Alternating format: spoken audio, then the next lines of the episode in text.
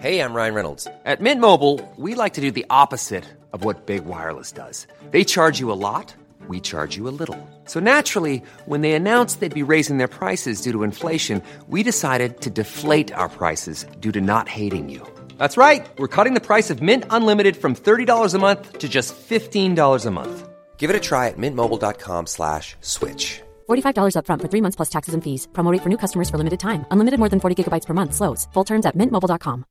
Hey, Dave. Yeah, Randy. Since we founded Bombus, we've always said our socks, underwear, and t shirts are super soft. Any new ideas? Maybe sublimely soft. Or disgustingly cozy? Wait, what? I got it. Bombus. Absurdly comfortable essentials for yourself And for those facing homelessness. because one purchased equals one donated. Wow, did we just write an ad?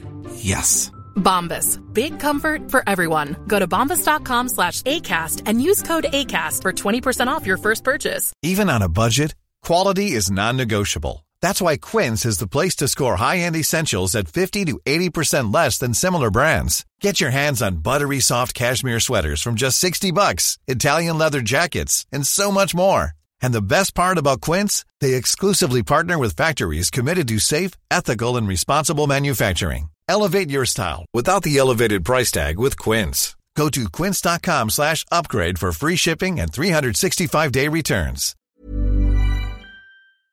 Det här är Paparazzi, en podcast där vi går in på detaljer om kändisskvaller och populärkulturella nyheter. Ja, vi kommer att prata om allt vi vill veta och allt du inte ens visste att du ville veta om kändisar. Jag heter Max. Och jag heter Michelle. Det må vara regeringskris, Michelle. Ursäkta, vadå? Nej, men, det ringer eh, inte en klocka hos mig. Nej. Men jag har tyvärr en större kris som händer i mitt liv och det är att jag har lärt mig the hard way att man behöver eh, blocka och avfölja, se till att man avföljer folk runt omkring personen du har dejtat. Framförallt blocka. Framförallt blocka så att det inte kommer upp. För att jag nåddes tyvärr av följande video på TikTok på min For You-page i helgen. Show me. Jag ger telefonen till den som eh, aldrig var kär i sitt ex och gjorde slut på en vecka. Jag försökte intala mig själv att det är att han har dejtat någon annan efter mig. Men eftersom att hans ord när han gjorde slut med mig var att han inte kunde bli kär i mig. Efter att ha dejtat i februari, mars, april, maj. Så tror jag att den handlade om mig. Unfortunately. Jag bryr mig inte om någon fucking regeringskris för att mitt emotionella liv är i kris, Michelle. Man känner verkligen att man lever i ett samhälle när sånt dyker upp. Man lever i, en, man lever i samtiden. Ja, Man är en del av the culture. ja, också kul att jag tydligen är en del av ett samtal och ett butt of the joke ett år senare. Ja men det är man ju. Alltså, Det är jag, alltså, jag tror att vi är liksom bara so, So many, many jokes. Ja, och min andra kris är att jag tror att jag är porrskadad, Michelle.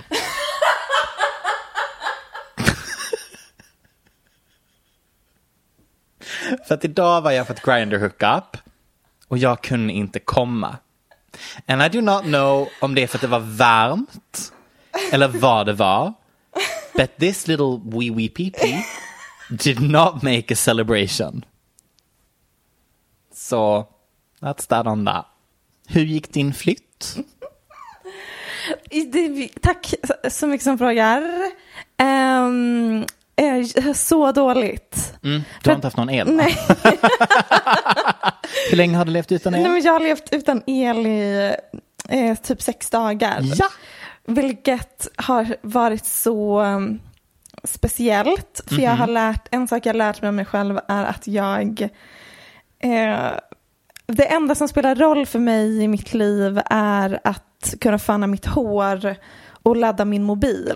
Det hade vi kunnat berätta till dig innan du upplevde detta, Michelle. Men Att ha ett fungerande kylskåp, spis, Nobody cares. lampor, man kan ha stearinljus. Ja.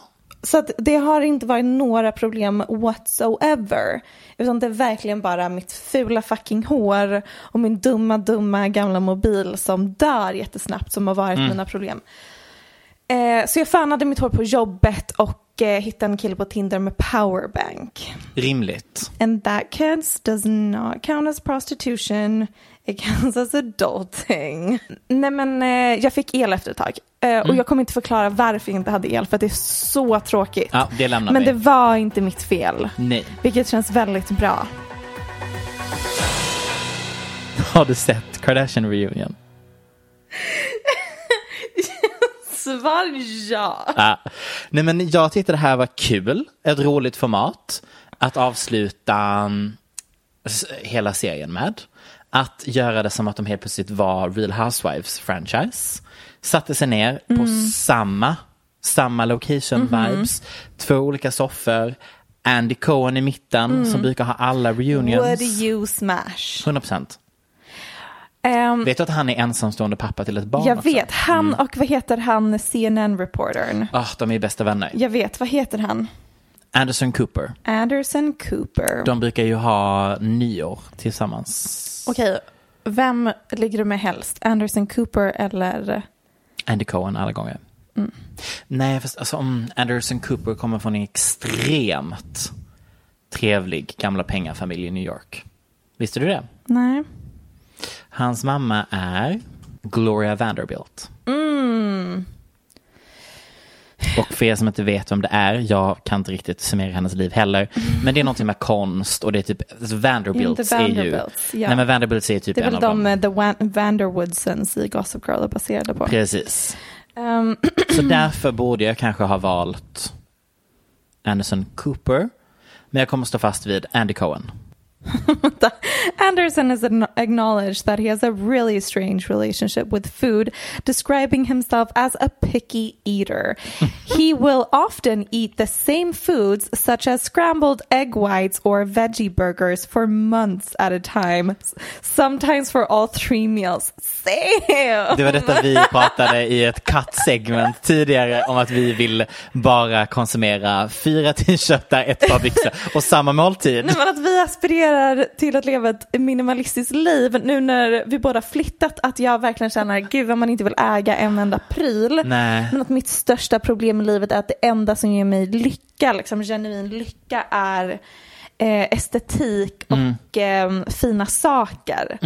Så att å ena sidan, det enda jag vill i livet är att inte ha några möbler, att ha på mig exakt samma kläder varje dag, alla eh, Mark Zuckerberg och att äta samma mat varje dag. Men, men problemet är att det enda som gör mig lycklig är ju motsatsen till det. Så jag vet Ja, inte riktigt hur jag ska läsa det. ja men också jättedåligt att din eh, referens till att bara ha samma kläder på sig är Mark Zuckerberg och inte Steve Jobs som ändå på något sätt gjorde, Just det, han är ju, satte grunden för det. just det. Han är ju i och för sig mycket mer min vibe i och med att jag har på mig polotröjor året runt. Men jag har slutat med det. Max. Har du, har du märkt? Same. Jag har ändrat stil lite. Jag har gått från eh, att Din- bara ha på mig svarta Din nya grej är kläder. att bara ha blus. Ja. jag känner mig så påkommen. Fuck. But okay. I alla fall. Anderson Cooper är singel om det var det du letade efter. Ja, det var det jag letade efter. ja. Det det. Varför är inte han och Andy Cohen ihop? They're Jag tror both de gay. ligger, obviously they're, they're fucking. Eh, men Men varför också, är de inte ihop? för att de har varit vänner väldigt länge. Jag tror faktiskt att där finns ingenting. Också det där känns väldigt stereotypiskt, båda två är bögar. but we're det gonna var, let det that var en one del slip. av skämtet. We're gonna let that one slip. Nej men Anderson Cooper separerade med sin partner 2018 och de har en, eh, ett barn tillsammans. Wyatt. Ja, därav. Har de ett barn tillsammans? Ja. Just det, det är därför jag tänkte varför de inte är ihop. Men, Men Kardashian också, reunion. förlåt, men hur många Ja. straighta par där är inte en så bra match? Alltså här, Mm. vadå? Ja, Vill de gilla sin partner så mycket? Om de står ut med varandra tycker jag att de borde vara ihop. De kanske i, uh, ses ändå, vad vet vi. Men i alla fall, Anderson Cooper är singel, Andy Cohen är singel. Men det, det, det intressanta med Andy Cohen är att han skaffade ju barn själv. Han var ju inte i ett förhållande när han skaffade barn. Vadå, var Cooper i ett förhållande? sen- men du sa nyss att båda var singlar. Ja, båda är singlar. Ja. Men jag ville bara mena att Andy Cohen skaffade sitt barn när han var singel. Alltså han har aldrig ens haft en partner inblandad i det. Okej, vänta, förlåt. När vi lyssnar tillbaka på det här så kommer vi höra att jag nyss uppfattade att de har ett barn ihop. Nej, precis. Nej. Eh, Anderson Cooper och sitt ex har ett barn, Wyatt. Och Andy skaffade själv ett barn. med. Förlåt. Prata om, fortsätt om vad du pratar om. Kardashians reunion var det vi skulle prata Ja. om här kan jag eh, inflika. Det- jag tyckte att det var ett fint avslut, roligt, två, tvådelad, hade inte alls behövt vara det. Kunde klämt ihop det i en, en, fast en, nej, reunion. om man ska vara liksom bara rent smart strategiskt, självklart ska de dra ut det till två Ja, avsnitt. alltså cliffhangern mellan avsnitt ett och avsnitt två. Nej, men de är dumma i huvudet om de inte gör det till två avsnitt. Nej, men cliffhangern var ju om Chris eh, trodde att förhållandet Mellan till... Courtney och Scott skulle fortsätta. Nej, om... Fuck, nu blir det uppenbart att jag inte kollat. Eh, uh, yeah. Nej men cliffhangern mellan part 1 och part 2 var ju om Chris trodde att förhållandet med Caitlyn hade hållit om Caitlyn inte hade... Men trollolololol, Ja. det hade den absolut inte. Nej, exakt och det var också svaret och det Ja. var ju första vi fick Ja. i del två. Nej men det var mysigt, det var inte så mycket revelation. Lite intressant att när Kylie pratade om varför hon, hon hade en backstory till när hon första gången insåg att hon inte tyckte om sina läppar och varför hon startade Lipkit för att Andy frågade Valde du att b- blev du besatt av smink för att du mådde dåligt över dina läppar? Och hon berättar en rätt så typ jobbig historia om hur hennes första kyss med en kille. Nej, just det. Och han så här vänder sig om och säger oj, eh, du har ju typ, du har inga läppar. Alltså du vet verkligen så här rude. Och Chris bara, "Haha, what a story. Och jag bara, Det är så sjukt. Nej men det här är så konstigt att reagera på när din dotter, hon, hon, hon, hennes ton och sättet hon berättade historien på var verkligen, jag förstod som att vi skulle upp, öppna upp oss här idag och berätta något. Och hela rummet bara hihihi. Som att det var inte alls den nivån vi skulle ligga på. Så sen delade de inte med sig så mycket. Eh, och sen så att Chloe erkände att hon mår piss. Med sina olika operationer och sin självkänsla. Och det var också lite jobbigt att titta på Chris när de basically så här, tror du, eh, eh, hur, alltså, är det, är det tv-serien som har gjort att du mår piss med din kropp? Och hon verkligen så här, 100% ja. Jag mådde jättebra innan vi började filma, jag hade inte ens tänkt på mig själv som att jag var ful. Började filma och alla sa att jag var ful. Ah, det är så fruktansvärt. Mm. Faktiskt. Ehm, så del två tyckte jag var lite mer spännande. Men det var bara mysigt och vi fick bekräftat såklart att Kendall är ihop med, ah, vad heter han, basketspelaren? ja, Ja, vi struntar who the fuck Någonting cares? Ja. Allt som allt mysigt, det var, det var mina åsikter på den här. Men just då så frågade han också hur kommer det sig att ni, eh, det känns väl lite konstigt att ni nu väljer att avsluta detta men att ni byter bara nätverk. Ja! Chris försökte få det till att ja, men Kim sa, så här, vi alla satt oss ner och ställde frågan, vill vi fortsätta den här tv-serien? Och eh, då sa Kim, hade det inte varit snyggt att bara sluta på siffran 20? Ja, just det. Det Vilket var, det var ju Kanye som bara number 20, number 20 will look really good. When you look you up on Wikipedia it'll Mm. say number 20, 2020 vision. Um, förlåt, lät jag så fånig? Nej, jag tycker faktiskt att det var en jättebra analys för att jag tror verkligen att det varit en stor del av beslutet att lägga ner den här tv-serien. För det hon menade på var att de blev erbjudna om de ville skriva ett nytt kontrakt på Ja. tre eller fem eller det whatever var- år. Kanye som sa att det är snyggt med 2020. Kim. Men ja, Ge- Det var Kanye via Kim. precis. Ehm, Vilket är kul att de sen då separerade och nu sitter de här.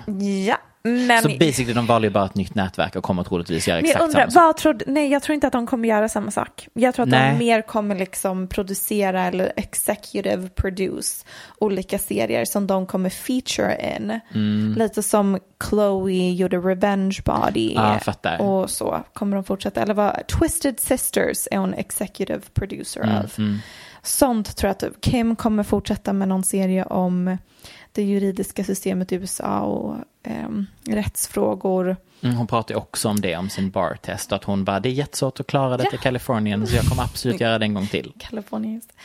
Nej men eh, en sak som har jag lärt mig av Kardashians Mhm. och det är att det inte är jättelätt att bli advokat. Jag börjar tyvärr bli orolig. För att vi ännu en gång kommer få tillbaka kategorin Thinspo, Michelle. Nej. Thinspo, Fitspo, Ja. Pro-Anna. Nej men en, en mörk tid Mm. på internet. Vi har ju pratat tidigare om hur vi som kulturellt samhälle och estetiskt kommer att börja omvärdera mycket av det som vi har konsumerat den senaste tiden. Jag tänker stora rumpor, Kardashian-trenden etc. etc. Du har ju själv lyft hur Kim ser ut att ha minskat sin booty. Precis. Yes. Chloe verkar ju kämpa med, med samma. Ja. Går inte lika bra. Ehm, och Kylie vet jag inte riktigt uh, vad hon, vilken journey hon är Jag tror på. att hon kommer bara fortsätta whatever ideal Travis vill ha. Mm. Bra spaning faktiskt. och detta känns väldigt, väldigt, väldigt rätt i tiden. Därför att den typen av kroppstyp är ju på ett sätt även associerad med en viss livsstil, tänker jag. Den här, den här um, Kardashian-kroppen. Liksom jag skulle säga den här flaunt what you've got livsstilen. Eller som du kallat det, att det bara är barockt helt enkelt. Ja. Mm. Överdrivet, skäms inte för rikedom, svulstigt etc. har jag skrivit in i min lilla manus här. Och absolut att vi började röra oss bort från denna stilen långsamt, något som du har belyst. Men om det är något som skyndat på detta så tror jag att det är 100% pandemin. För det är något med en barock livsstil och då även det tillhörande skönhetsidealet som inte funkar längre. Eller liksom, det retar snarare upp mer än det genererar köpkraft. Gud vad spännande. Mm. Wow, jag sitter här och lyssnar på en livepodd som är så bra. Ja. Fortsätt, Tack. kära du. Nej, men pandemin har ju lett till en, en oerhörd pengaflytt. Vi pratar om miljarder som ju då, äh, miljarder, miljardärer tjänade ju nämligen tillsammans under pandemin 3,9 triljoner dollar. Det är alltså en etta och 18 nollor, Michelle. Jag kan, jag kan inga siffror Nej över men, tio. Så nej, men det- nej, jag håller med. Ehm, och detta medan den arbetande klassen förlorade 3,7 triljoner dollar i tillgångar. Coincidence? Anyways. Eh, en av de största förlorarna i detta är Gen Z. De har liksom mest förlorat under pandemin. Är det verkligen så? För det känns Mm. som att de har tid att återhämta Insider. sig. Nope. Okej. Well, if Business Insider says Gen Z are losing, then I'll take it. Nej, men I Amerika bara så har the mega rich, alltså 1% av samhället som alla vet, eh, gått plus med 1,1 triljoner dollar. Och även om personer som Jeff Bezos och Elon Musk är det som vi B. tänker på, B, när vi tänker ultrarika. Every night I'm falling asleep. Gud.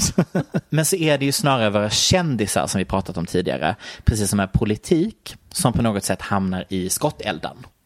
Det är liksom lättare att reagera på de som är lite under de ultrarika, även om såklart Kylie is a billionaire Självklart. och så vidare. För det är de som vi kan påverka, det är de vi kan cancel, jada, jada, jada. Om det är något som gått upp för mig på TikTok så är det att fett många un- unga amerikanska personer, åtminstone på min For You-page, är rätt så jävla trötta på den här kapitalistiska strukturen och Jag tror kulturen. för sig att det väldigt mycket att göra med din Ja, men det kan ha att göra med min algoritm. Men jag tror också att det är, en, eh, det är absolut en Det är en samtidsanda som vibe finns. Precis. Ja. Och då är det liksom inte lägligt för Kardashians att ett, fortsätta sin serie överhuvudtaget. Därför att dess USP från början, om vi ändå ska liksom vara den som är den, var typ så här bråk systrar emellan Mm. som jobbar i en affär och är på tacky, desperata fotograferingar för att bli känd. Goals. Eh, fantastiskt content. Och det, har, det ersattes ju med att vi mest bara ser deras extrema rikedomar i olika eh, sätt. Från resor till kläder till sitt liv.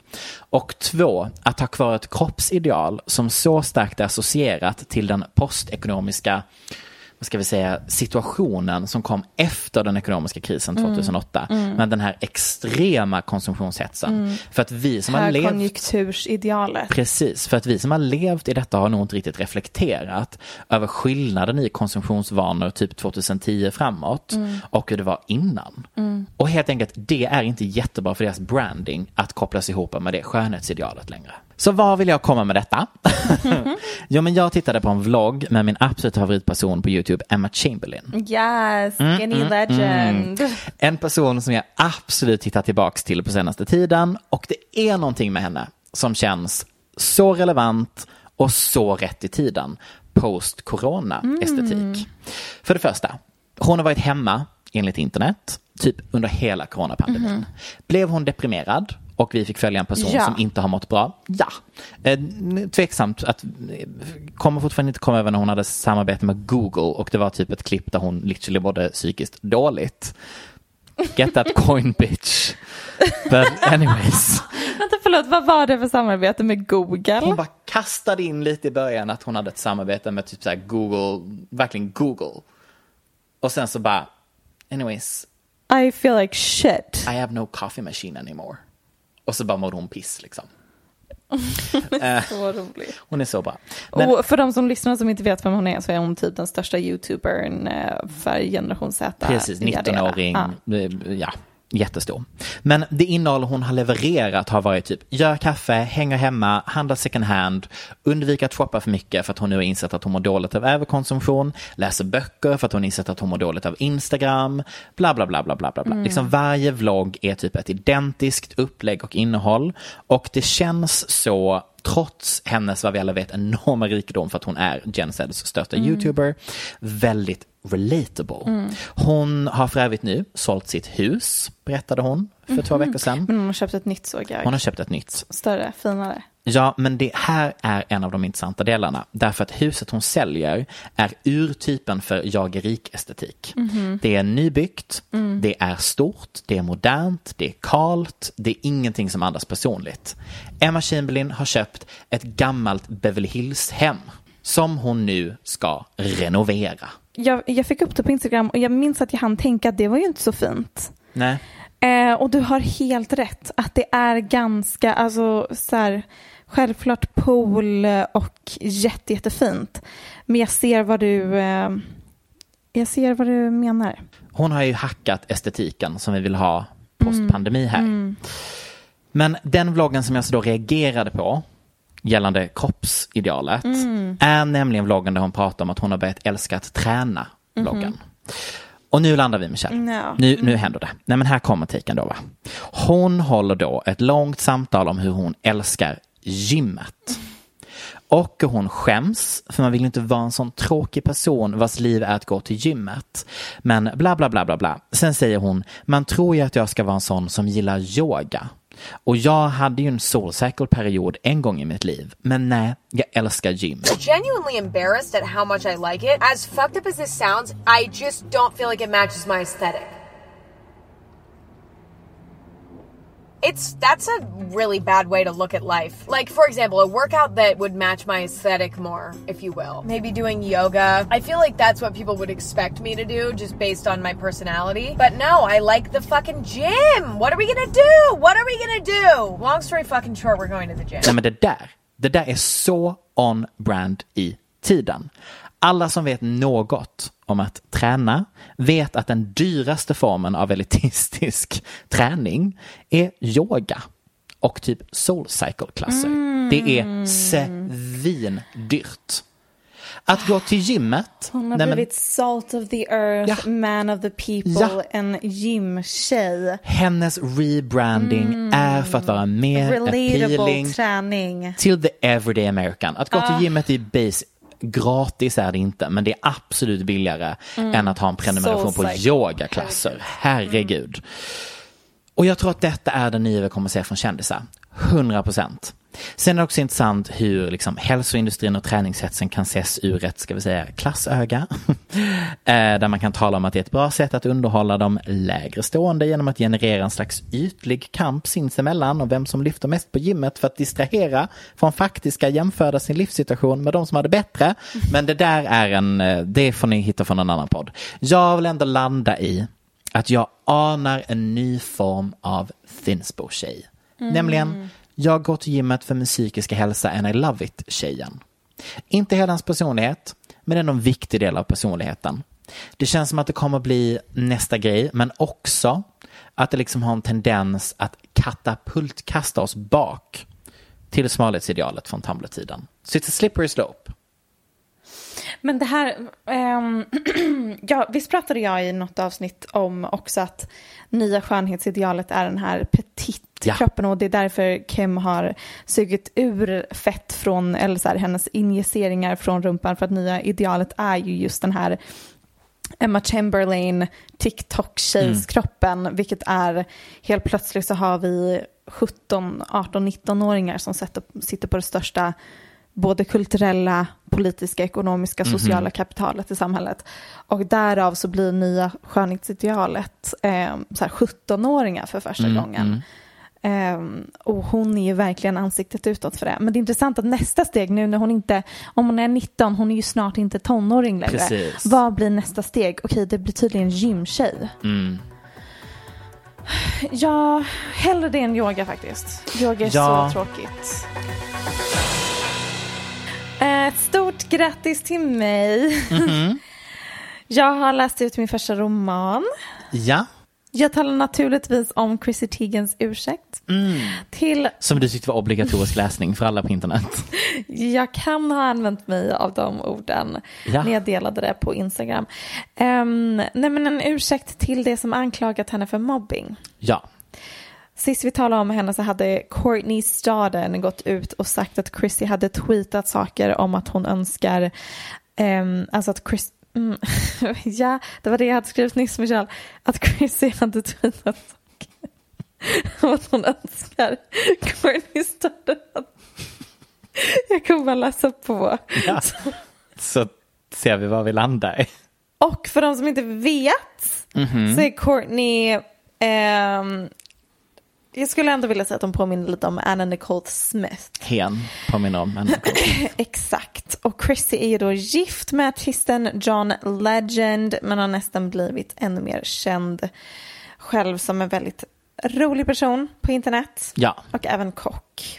Men lika älskad som hon är så stör sig folk också på henne. Eh, om du frågar mig så är det som vanligt på grund av kvinnohat. Lite som eh, vi bestämde oss för att hata Anne Hathaway, Amy Schumer, Lena Dunham, Anna Kendrick och till en början även Dakota Johnson. Men sen ändrar sig folk. Även Anne Hathaway har man det senaste året kommit på. Ah, just det, det var ju drygt att vi bestämde oss för att hata henne. Ehm, typ kvinnohat förklätt eh, som eh, typ ah, alla är basic white women och därav är det okej.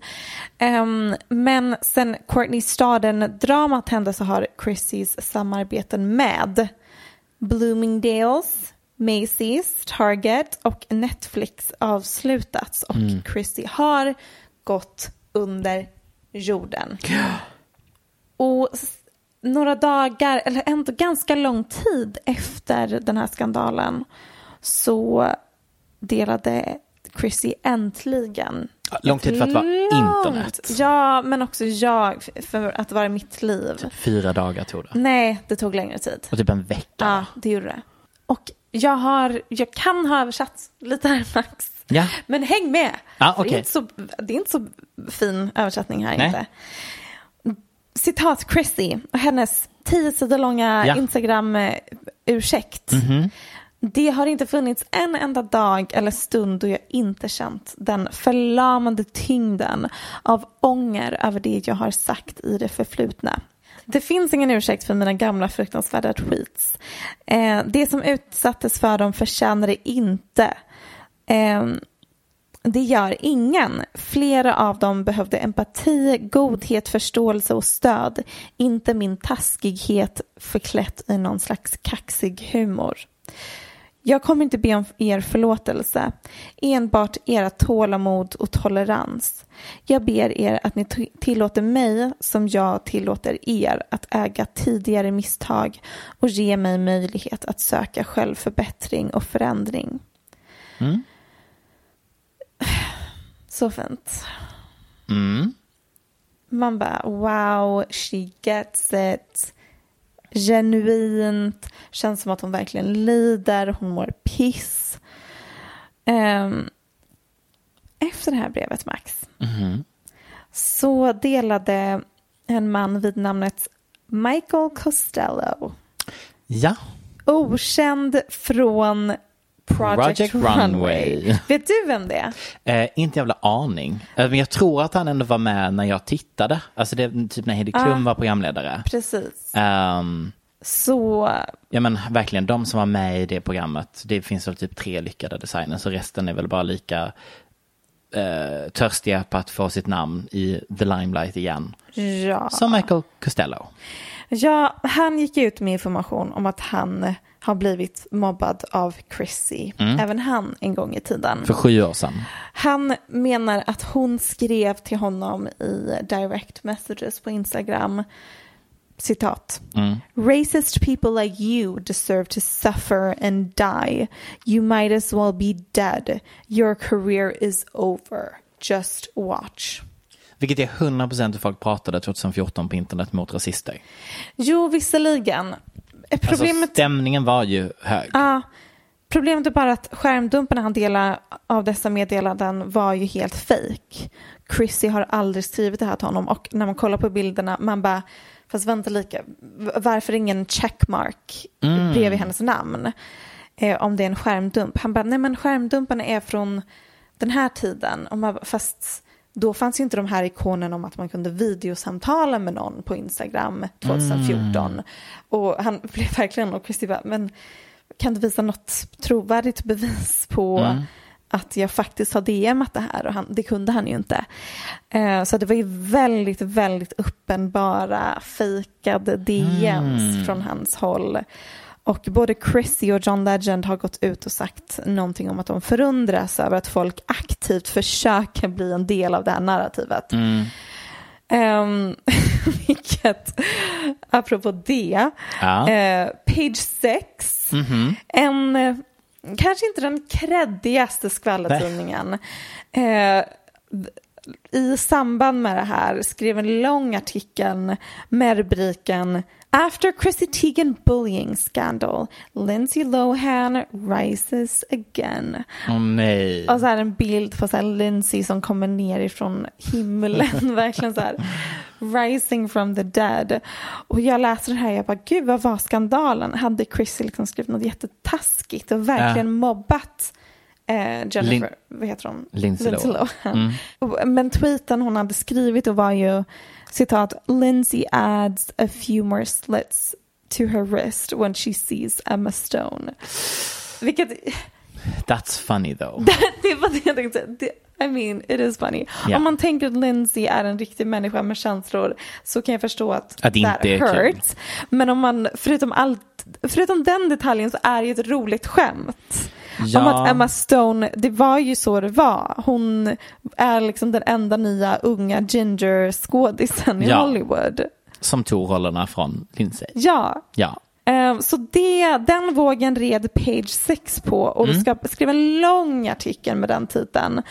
eh, som egentligen bara handlade om att Lindsay Lohan ska vara med i någon ny Netflix-film. Hmm. She's making a comeback. Jag, jag vet inte, läser du eh, Chrissys brev också?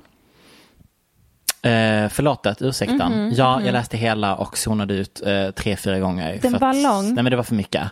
Ehm, jag tyckte att det var kul att den här Michael, heter han va? Mm. Aha, yes.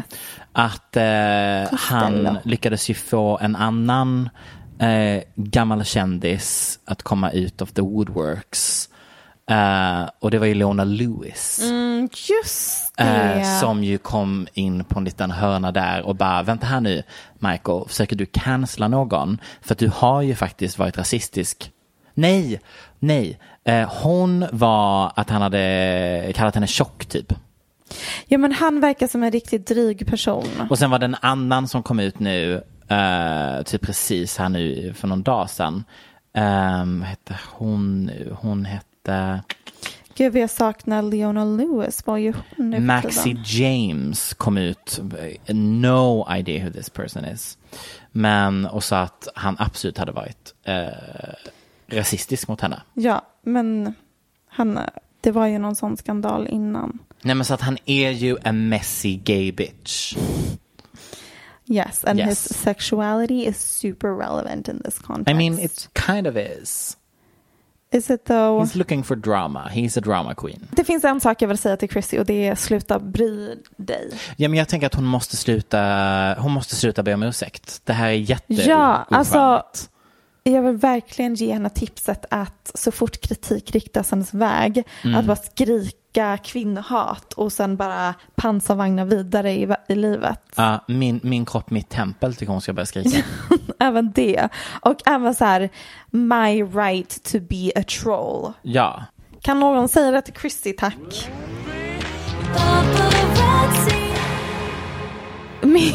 Vill ha eh, skvaller om eh, måneskin. Gud ja. Är det så man uttalar det? Måneskin. Måneskin. Varför valde de det bandnamnet? Jättetöntigt. För att tjejen är dansk. Aha, är hon det? Mm, för jag sned också. Ja. Totalt först. Jag bara, varför? Det här är så töntigt att folk döper saker till nordiska saker Ah, när de inte har någon connection. Vänta, okej. men, klipp. Förlåt, jag skulle nyss dra en jättefånig historia om hur... när vi, min- jag bodde i Singapore när jag var liten och min bror, min ena bror eh, var väldigt nördig. Eh, han, framförallt när vi var små, fortfarande lite. Mm. Fortfarande lite nördig.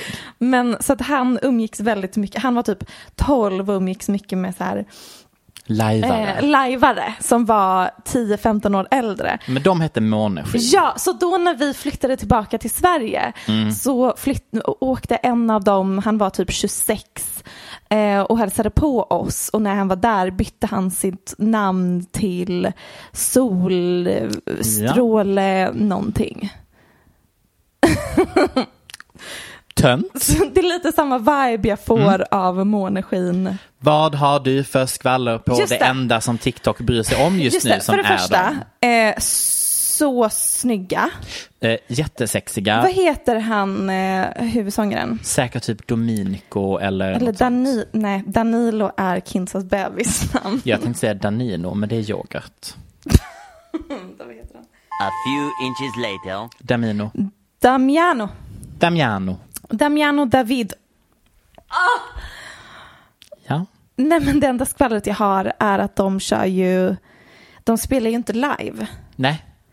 Eh, han sjunger live, Mm. men de andra spelar ju så här, dämpare på trummorna och ingen av gitarristerna spelar, vilket när man kollar på det med den vetskapen, Det är så töntigt. jättefånigt. Men då undrar jag om de ens spelade live när de tävlade. Nej, men på Eurovision tror jag inte ens att man får spela live. Jo, det får man. Men när de var nu på, vad var de, Grönan eller något? Nej, de var i, på Liseberg. Just det. Nej men min kompis jobbar där och Mm. hon bara, de spelar inte live. Men hon träffar dem i alla fall. Mm. Eh, Damian, mm, Damiano, David. Mhm. David. Otroligt trevlig. Ja, men det kan jag ändå tänka Så mig. charmig, Mm. karisman, trevlig. Mm. Nog om det. Då har det konsumerats tv, Michelle. Jag har efter sökande på Twittertrådar och så vidare kommit över The Housewife and the Hustler. Vilket alltså är Hulus dokumentär om Tom Girardi och Erika Jane, känd från Real Housewives of Beverly Hills. Och jag måste bara säga, jag är golvad. G-O-L-V-A-D. På märken. Gud vad mysigt för övrigt att stava ord. På s- Kan- inte jättekonstigt vi börja göra det svenska. Oftare. Så här, konstigt. ehm, eh, så här, vad brukar vi säga ofta? Snark. S-N-A-R-K. Så konstig. eh, Varför gjorde jag det? Jättekonstigt. Eh, Men en snabb summering i alla fall. inte så snabb, men vi kör. Tom Girardi, toppadvokat, 82 år gammal, jobbar med folk som stämmer the big guy, alltså eliten. Han blev bland annat känd för att ha varit advokaten till Erin Brockovich, du vet filmen från 2000 med Julia Roberts. Yes. yes. Eh, anyways, han träffar Erica Jane när hon jobbar som servitris på typ Hooters eller något. Alltså när hon var... Är det på riktigt? Ja, hon var strippa. Dreams Ja. can Yes. come true. Ja, hon lämnar alltså också sitt barn som hon redan har sedan ett tidigare förhållande ensam i New York. Hur känner du inför att jag skulle göra bröstimplantat? Oh nej. Nej! Varför skulle du göra det? För att jag har kollat jättemycket på um, Hilaria Baldwins Ah, Instagram. nej, Hon har så bra bröst. Ah, nej, då behöver du nog... Är det, är det verkligen ett starkt nej? Ja, du Men har de bröst. hade inte- Eh, nej men Tom Girardi, bla bla bla 82, han blir ihop med Erica Jane och de blir en del av Real Housewives of Beverly Hills-serien. Men redan innan det så har hon försökt sig på en popkarriär som, ja, men ska vi säga kanske inte gick jättebra. Eh, Tom däremot älskar det hela och investerar flera gånger i Ericas egna bolag. Han är verkligen drömmannen. Exakt. kan man slide in his DMs Mhm, tror du? Plötsligt får vi reda på, och detta är också en väldigt viktig del i narrativet här, att de annonserade skilsmässan på valdagen förra året. Du som älskar att man kommer ut med saker när det är annat som händer i, i världen. Du har haft en lång prat om detta en gång Ja, i tiden. för att Ja. distrahera. Det måste innebära att de inte ville att De det vill inte skulle att någon bli en skulle big säga det. deal. Mm. Precis. Ehm, de ska skilja sig och då får även reda på att Tom ska stämmas, eller han håller på att stäms då, på miljoner dollar. Och detta är ju typ the backdrop som The Housewife and the Hustler handlar om. Men mer i detalj hur Tom alltså då har lurat alla sina offer på pengar som sedan gått till att upprätthålla lyxlivet åt Erica och hennes popkarriär. Men framförallt det vi har sett under flera säsonger av Real Housewives of Beverly Hills.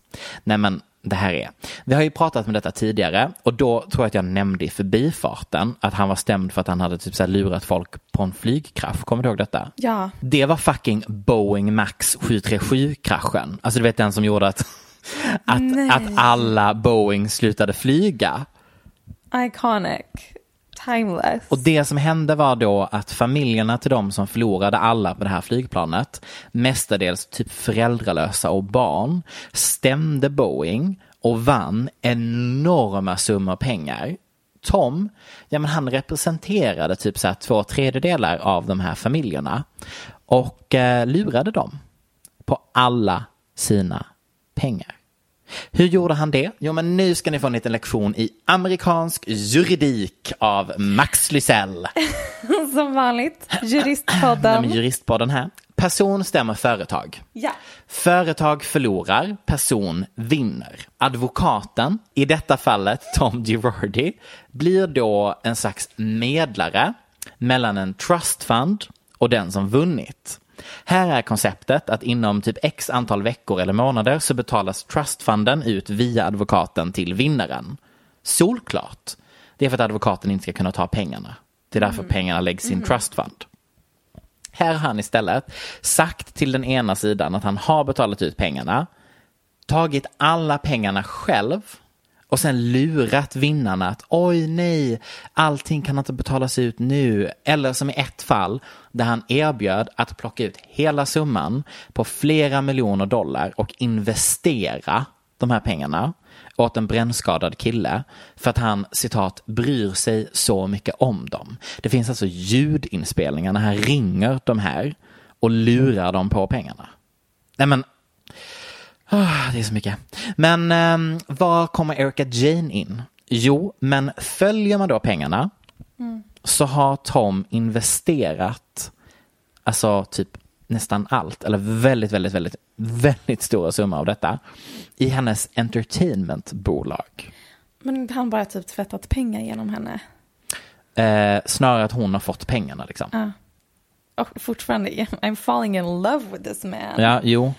Ehm, och det ska också tilläggas att när allt började skaka efter skilsmässan och innan Toms assets då skulle tillfalla, I don't know, typ juridiken, jag förstår inte hur detta funkar, då blev ju paret rånade i sitt hem i februari i år. Och då råkade ju alla de här väldigt dyra ägodelarna som han har köpt åt henne med de här lurade pengarna. De råkade ju bli stulna. Ja, i kriset eh, har Tom sagt att han är pank. En gång hade jag 80 miljoner dollar, 50 miljoner kontant. De är slut nu, har han sagt. Citat. Och Erika, nej men hon gör ju sin livs skådespelarroll just nu på Real Housewives. För hon, all, alltså allt detta händer när de spelar in serien. Eh, vilket jag tänker, intressant val. Du vet att din man ska stämmas, du separerar och väljer att filma allt. Nej men detta är så messy. Basically har alltså då Girardi snott pengar från folk som stämt eliten för att sedan själv finansiera hela sitt egna lavish liv som dessutom sänds på tv genom Erika Jane. Nej men det här är så sjukt. Nej men alltså jag, den här, det var typ en och en halv timme av mitt liv som jag absolut inte vill ha tillbaka. Det var så bra. Ehm, varför vill han inte vara lite mer diskret med sitt beteende? Det var också de i den här, den här eh, dokumentären eh, sa också det att om man, om ens om ens USP är att man är mannen som kämpar för de små människorna mot den stora människan så är det jättekonstigt att vilja skryta om att man har två privata jetplan. That's weird. Och det var någon annan advokat som också sa, jag förstår aldrig hur en person som jobbar inom den här, det här yrket har den här typen av välstånd. Absolut att man kan bli rik, det vet vi alla, men inte så rik. Det är någonting som inte stämmer. Och tydligen har han gjort detta i liksom 20 plus år. Så inspirerad. Nej men det är absurt. Och nu är ju hela grejen, nu börjar ju Real Housewives casten då delas upp lite här. Så att vissa sluter upp bakom Erika Jane och stöttar henne. Och de andra är ju väldigt, väldigt, väldigt av, alltså tar avstånd på sociala medier just nu. Vi ska ju komma ihåg att det här är ju inspelat i november 2020. Så då visste ju inte de om allt. Men det är väldigt intressant att följa. Ehm, Visst finns en väldigt stor åldersskillnad eh, de sinsemellan. Mm. Erika är väl född på 70-talet. Så vad är, då är hon väl typ 40. Och han är typ 82 var han. 82 år gammal. Mm, 82 år gammal. Eh, the ripe age of to- 82. Eh, b- och jag minns att du var så förvånad för att trots åldersskillnaden så kändes det som att de ändå var så genuint Mm. Eh, ett par and Men det kände alla. love. Det kände och alla. det är väl lite bekräftat nu typ att det här är bara, de har båda så här skapat the ultimate scheme. Mm. De är ju bara total Wow. hustlers. De är den enda sanna, rena eh, kärleken i Hollywood. Jag skulle som. säga att det här är en modern Bonnie and Clyde. Love it. Det, det var någon som DMade mig något om det, jag ska bara kolla. Ben Affleck och Har hånglat? Nej men det var verkligen bara bilderna på att de hånglar. Men hur känner du inför att de är tillsammans igen? Jag känner så här, att jag tycker att kärlek är så sjukt. Mm. Och att det är liksom, det det, så många år har gått sedan de var ihop. Mm. Och nu är de ihop igen och jag tycker att det är sjukt. Tack för mig. Men tror du att det här kommer att förhållanden som varar? För jag tror det. Jag tror det. Jag, Jag, tror har en att det här känsla av är att det här är deras kärlek. sista, det här är Ja. sista förhållandet för dem. Jag tror att eh, har man varit ihop och så här deeply in love en gång så... Nej, men Mm. In jag tror, youth jag, as well. Ja, jag tror att de kommer vara ihop forever nu. Jag tror liksom att nu det ska mycket till för att det inte ska funka. Jag tror att alla borde bli ihop med sina ex. Ja, Förutom du. förutom jag då eftersom att det tydligen bara var one way love. Jag tycker även att alla borde göra slut med sina killar för att sen kunna bli ihop med dem. Mm. Nej, men jag tror det enda som skulle kunna rock this boat är om han blir gravt alkoholiserad igen. För det, det passar inte hennes image alls. Det kommer han typ bli. Mm. Hon kommer liksom inte vara Jennifer Gardner och ställa upp på det. Det tror jag i och för sig, men att hon kommer ha så många personer inblandade i det så att hon kommer se till att ingen av oss märker att han hamnar på oh. rehab igen. Oh. Ehm, Men jag, jag tror det här är long lasting love nu. jag tror det med. Är det inte sjukt att jag är singel? På riktigt. Nej men det är så sjukt. Grunden att jag tycker verkligen att det är helt sjukt. Tack. Jag tycker faktiskt också att det är lite sjukt. Men men. Jag tänker också att det borde finnas mer killar med typ ehm, daddy issues som uttrycker sig på det sättet att de vill bli ihop med en person som man kan liksom utvecklas tillsammans med. Det är väl det som är typ halva alla par som är heterosexuella par. Jag tänker att du borde bli ihop med någon som känner så här, I'm gonna fix him. Du behöver hitta en sån kille. Jag vill hitta en tjej alltså. Du behöver bli med mig. Då var det kvinnohatet som hoppade fram Det är igen. inte kvinnohat, utan det var så här girl culture facts. är, det måste ju bara vara så här rent matematiskt, statistiskt. Det finns inte tillräckligt många bögar i Stockholm som vill vara i förhållanden. Men alltså, då, och sen så ah. tror jag att du definierar det som att det måste vara fel på dig medan det bara har att göra med siffror typ. Ja, jag vet inte. Det gör ju någonting med ens självbild och att jag känner typ att, jag, att det måste vara jag som är ful eller att Ja. liksom du vet bla bla bla bla bla bla bla. Jag har ju aldrig landat i att det är min personlighet men jag borde kanske omvärdera det, det, är där. inte, det är inte din personlighet. Ehm, för att du har aldrig liksom fått möjligheten att verkligen visa your full liksom, Potential. personality and Mm. personality potential. Mm. Nej men jag är på riktigt genuint Mhm. ehm, intresserad och concerned för jag känner att det finns en obalans. Ja, Ehm, som, alltså den obalansen finns väl I guess inom hetero-communityt. Men Mm. den ter sig på ett annat sätt, typ med att män blir incels eller whatever. jag tror ändå att man kan knyta an bögproblematiken till populärkultur och till liksom hur man porträtteras i kultur överlag. Och typ hur vi växer upp och vad man har för egenvärde. Utveckla. Nej men alltså att man som, men detta har vi ju pratat om tidigare, men att man som homosexuell ofta växer upp och ser sig själv som ett sexuellt objekt och inte eh, någon som är älskvärd. Mm. Precis, så fort man porträtteras i populärkulturen är en så här, sexualitet en central del av ens Precis, personlighet och identitet. precis. Och då tror jag lite att det blir nog en skev fördelning av vem som letar ett monogamt förhållande och vem som har fallit för den här sexualiseringen. Jag själv har ju fallit, jag sitter ju alltid och pratar om hur jag blir avsugen och, och knullar och, och allt Precis. möjligt. Men det tror jag också är lite en försvarsmekanism. Därför att om jag, alltså så här, om jag inte om jag hade varit ensam och inte dejtat och inte varit ihop med någon och ovanpå det inte legat med någon. Då hade ju mitt eh, egenvärde, eller då hade mitt självmående och min självuppfattning blivit jättedålig. Då hade jag ju bara konsumerat andra snygga människor på internet när jag är kåt. Och sen hade jag bara typ varit ensam all, all, all annan tid. Det hade varit jättedåligt. Och då tror jag att man använder sex som någon slags bekräftelse. Alltså så här, det är inte som att homosexuella och homosexualitet har uppstått i ett vakuum. Nej, precis. Det är klart att, att mina livsval och hur jag ser på samhället och jag navigerar är skapat av en kultur runt omkring oss.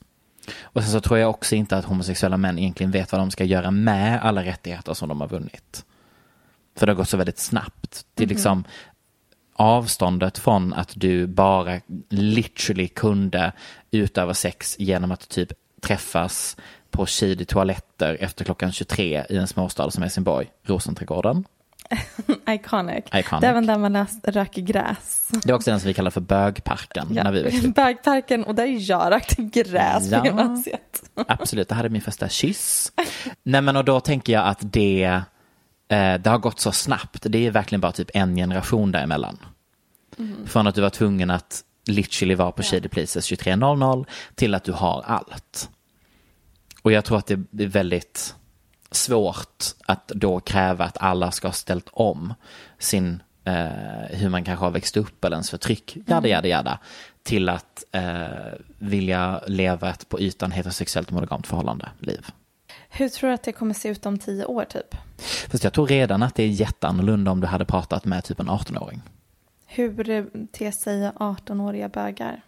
Nej men alltså det känns som att det är mycket, detta baserar jag kanske absolut på egna upplevelser och typ min For You-page på TikTok.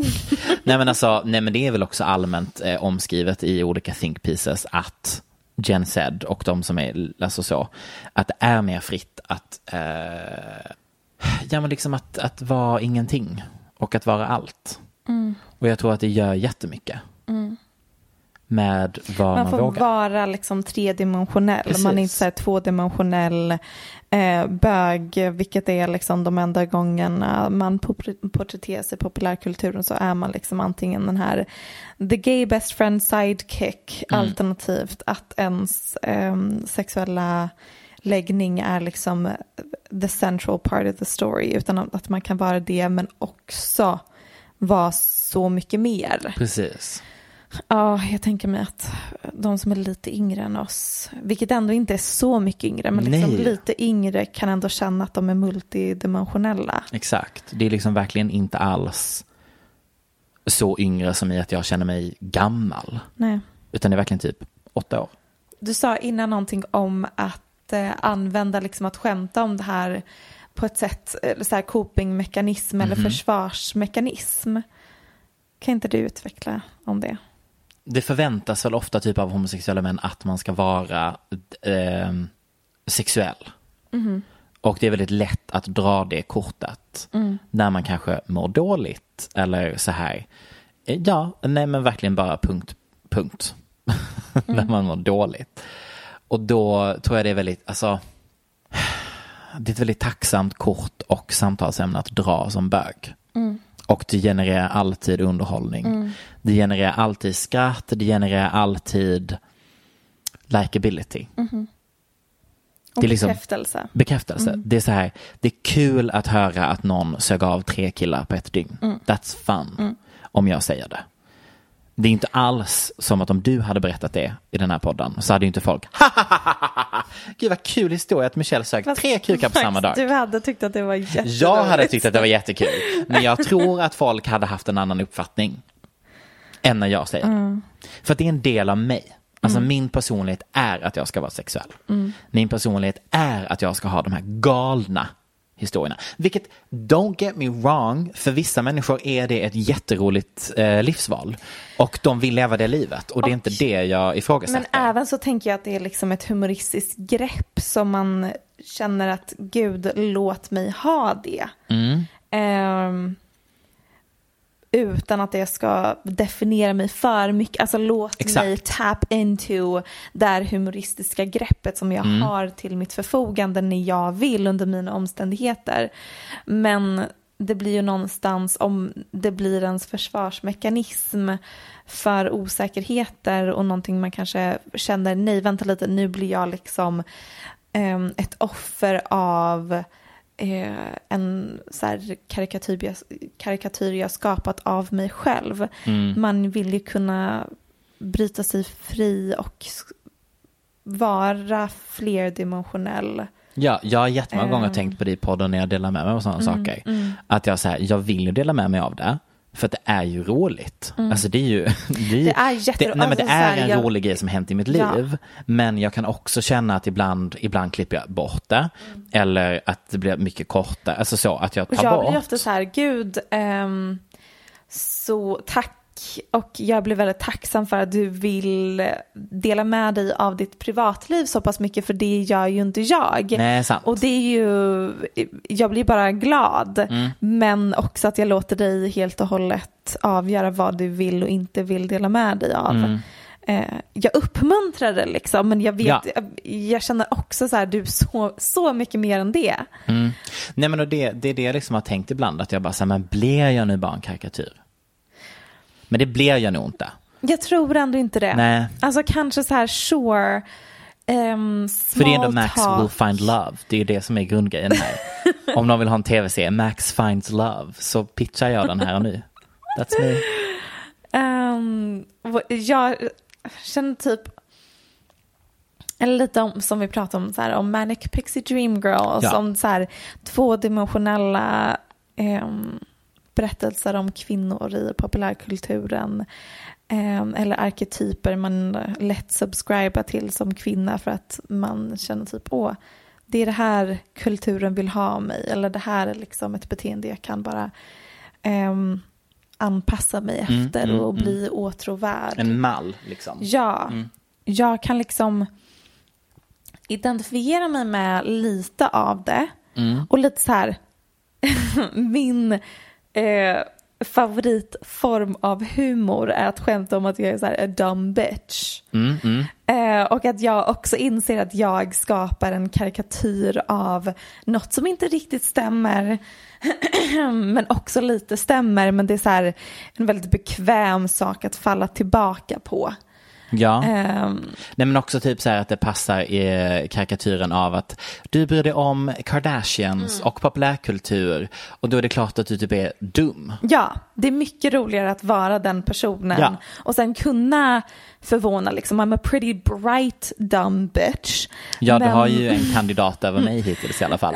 D- Men det är mycket, det är skönt att ha liksom någonting underwhelming att falla tillbaka på. Men Mm. så att jag ser lite det i ditt beteende och mitt beteende. Mm, mm. Men att skillnaden är att jag har absolut att majoriteten av är kvinnor som porträtteras i populärkulturen är väldigt, väldigt tvådimensionella. Men jag har ändå väldigt, väldigt mycket mer mångfald i det Mm. kvinnor som jag kan se upp till och spegla mig själv i. Än vad jag som homosexuell Ja, har. Mm. jätte, jättemycket mer.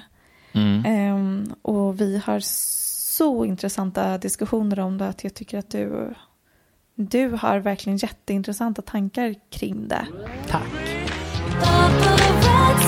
Det känns, jag vet inte, men det, alltså, vad vi pratade om nu när vi umgicks ehm, I helgen? i helgen, så pratade vi ju om det här med Call Me By Your Name. Mm. Och jag tyckte att du hade en väldigt bra poäng där, därför att jag har ju ofta varit väldigt så här anti Mm. det. Men det du lyfte där var ju det här att du behöver ju, för att ge utrymme, för att ge utrymme till att utvecklas och bli bättre så måste du börja någonstans. Och då är ju ändå vägen in att plisa den normativa, stora Mm. massan som konsumerar Därför att Call me, populärkultur. Call me by your name skrevs ju egentligen från början skulle det ju handla om en ung tjej som blev Precis. kär i en äldre man. Men sen insåg de, nej det här kommer bli problematiskt. Så Mm. då skrev de det som en ung man som blev kär i Det, en det äldre är en man. man, en heterosexuell man som har skrivit den. Eh, ja, det är en heterosexuell man som har skrivit den och den är ju så skriven för att tilltala en heterosexuell publik. Mm. Och att du känner en frustration över att det är få gånger som eh, en eh, homosexuell manlig relation porträtteras i populärkulturen så är den liksom gentrifierad av heterosexualitet. Precis. Och att jag håller med och känner Mm. att i en drömvärld så hade det varit bättre helt ja, enkelt. gud ja.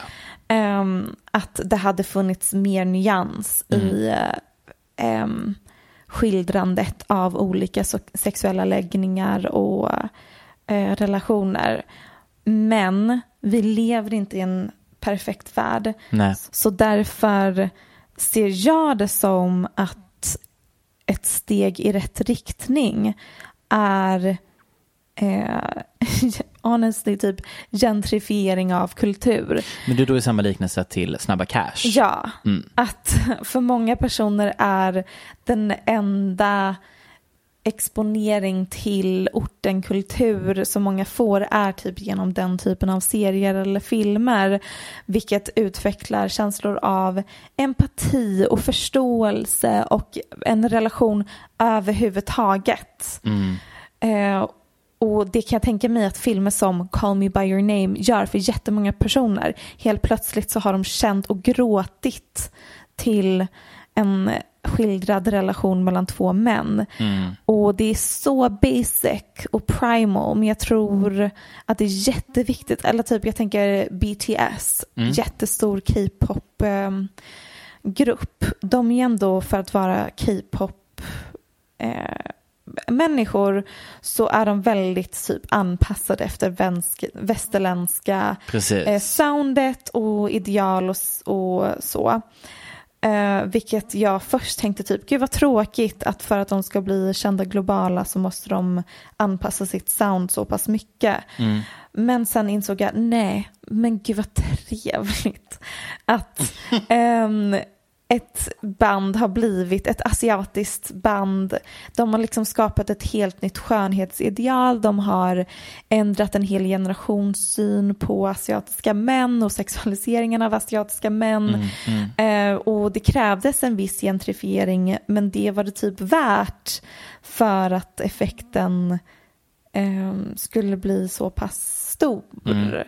För att få genomslag. Ja. Mm. exakt. Det är tråkigt att det är det som krävs för genomslag, men det är ändå typ rimligt för att Det är vi är bara människor. naiv, det är naivt att tro att det inte behövs. Ja, exakt. Det är jättenaivt, faktiskt. Ehm, precis, så därför, för att hela, vi började prata om det för att vi diskuterade queerbaiting och Ja. typ queerbaiting i ehm, Billie Eilish. Billie Eilish musikvideo och även Harry Styles och jag bara, men är det inte typ trevligt, alltså så här, att dela in, du är bög så du får bete dig på det här sättet och du är straight så du får bete dig på det här sättet. Är det inte trevligt att det sker lite queerbaiting? Att personer som Harry Styles gentrifierar a queer aesthetic så att den stora massan kommer eh, tilltalas av den estetiken för att det sen kommer ha liksom ringar på vattnet som leder till att folk kanske tilltalas av eh, liksom en quote on quote genuin eller riktig queer aesthetic. Alltså det är så här trappsteg för ac- acceptans. Ja, jag tror problematiken med just queer är att queer egentligen är, uh, literally betyder typ avbrytande från normen. Ja. Så därför så, Så kan ju alla, liksom, även Harry Styles Mm. och Billie Eilish och så vidare kan jag tänka mig ingår i den kategorin. Så Ja, jag tror att det har blivit en väldigt... eh, Men är inte det trevligt? Alltså vem, varför måste jo, nej, jag menar att det har blivit, mycket? jag tror att, att homosexuella män oftast Mm. har på något sätt försökt äga kategorin queer på ett sätt som de Men det inte är har rätt såklart för att de har äga. blivit förtryckta för Jo, jo, jo. att de har haft det estetiska uttrycket och helt plötsligt så anammar någon annan det uttrycket och blir sant. f- hyllad för det. Och man bara, hej, I originated this and literally got discriminated for it. Så att jag förstår ju Mm. Precis. den frustrationen, men är det inte så här någonstans fint? Mm. Att vi har nått den punkten att man kan ha det estetiska uttrycket, uttrycket utan att bli förtryckt. En sammanfattning av resten av mitt innehåll handlar om dels en artikel i Vice ehm, skriven av friend of the show Hunter Harris. Mhm. Den heter The Making of a Perfect Celebrity Apology. Saying I'm sorry has become its own art form in Hollywood. Gud, jag såg den här titeln och orkade inte läsa. Det orkade jag. Men det var, det var verkligen inte så intressant. Men det var typ så här. Um, fördelade med en statement via sin agent, la in sig på rehab några veckor och återvände sen till strålkastarljus strålkastarljuset med en intervju i People eller något sånt. Idag fungerar det inte riktigt så längre. Idag kräver vi försoning i form av långa, sårbara notes app apologies. Alternativt att man försvinner från eh, jordskorpan. Ett citat av en publicist som jag tyckte var intressant var dina advokater kommer vilja att du säger mycket mindre och dina PR-personer kommer vilja att du säger lite, lite mer. Bara så du får igång ett intressant narrativ. Confirms everything we've ever said. Och sen hade jag tänkt så här, bla bla bla, jag har läst den här artikeln och nu har jag Eh, som de som följer mig på Instagram vet blev jag blockad av Bianca Ingrosso efter vårt senaste podcastavsnitt. Så du har skrivit ett förlåtbrev? Yes! Jag har applicerat kunskaperna som jag fick av den här Vice-artikeln på ett, ett apology letter till Bianca Ingrosso. Oh my god, läs. Ditt Chrissy Teigen Notes app apology. jag kommer läsa det här. Är det Jag- på engelska? Det är på svenska. Men de, jag ser här att de, de tre första meningarna är på engelska.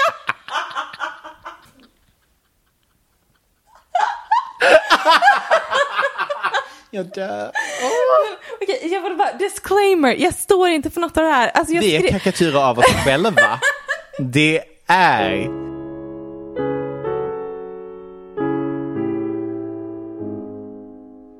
Till Bianca Ingrosso. Thank you for blocking me. Literally, step on me queen. I feel honored. Men också, tack för att du unblockar. Även om jag inte följer dig för jag får ren och skär panik av hur snygg du är så vill jag kunna staka dig ibland. Förlåt om du tog illa vid dig när jag sa att dina kampanjer är kopierade av Kardashians. Det var inte riktat mot dig som människa, det var riktat mot dig som personligt varumärke. Och den industri du har blivit ansiktet, ansiktet utåt eftersom du är bäst i, br- bäst i bransch. Ja. Jag skulle i allmänhet vilja tipsa dig om att skrika kvinnohat åt all kritik som riktas din väg. Nej men eh, tack för en underbar eh, stund med dig. Ditto. Tack så jättemycket till alla som lyssnar. Ja men våra outron är ju alltid det starkaste segmentet vi har. Bla bla bla bla bla. Eh, Kan inte det vara vår number one brand att vi har extremt svaga outron? 100% Så tack för oss. Du har lyssnat på en podcast från Aftonbladet. Ansvarig utgivare är Lena K Samuelsson. Hey, it's Paige DeSorbo from Giggly Squad. High quality fashion without the price tag. Say hello to Quince. I'm snagging high-end essentials like cozy cashmere sweaters, sleek leather jackets, fine jewelry, and so much more. With Quince being 50 to 80% less than similar brands.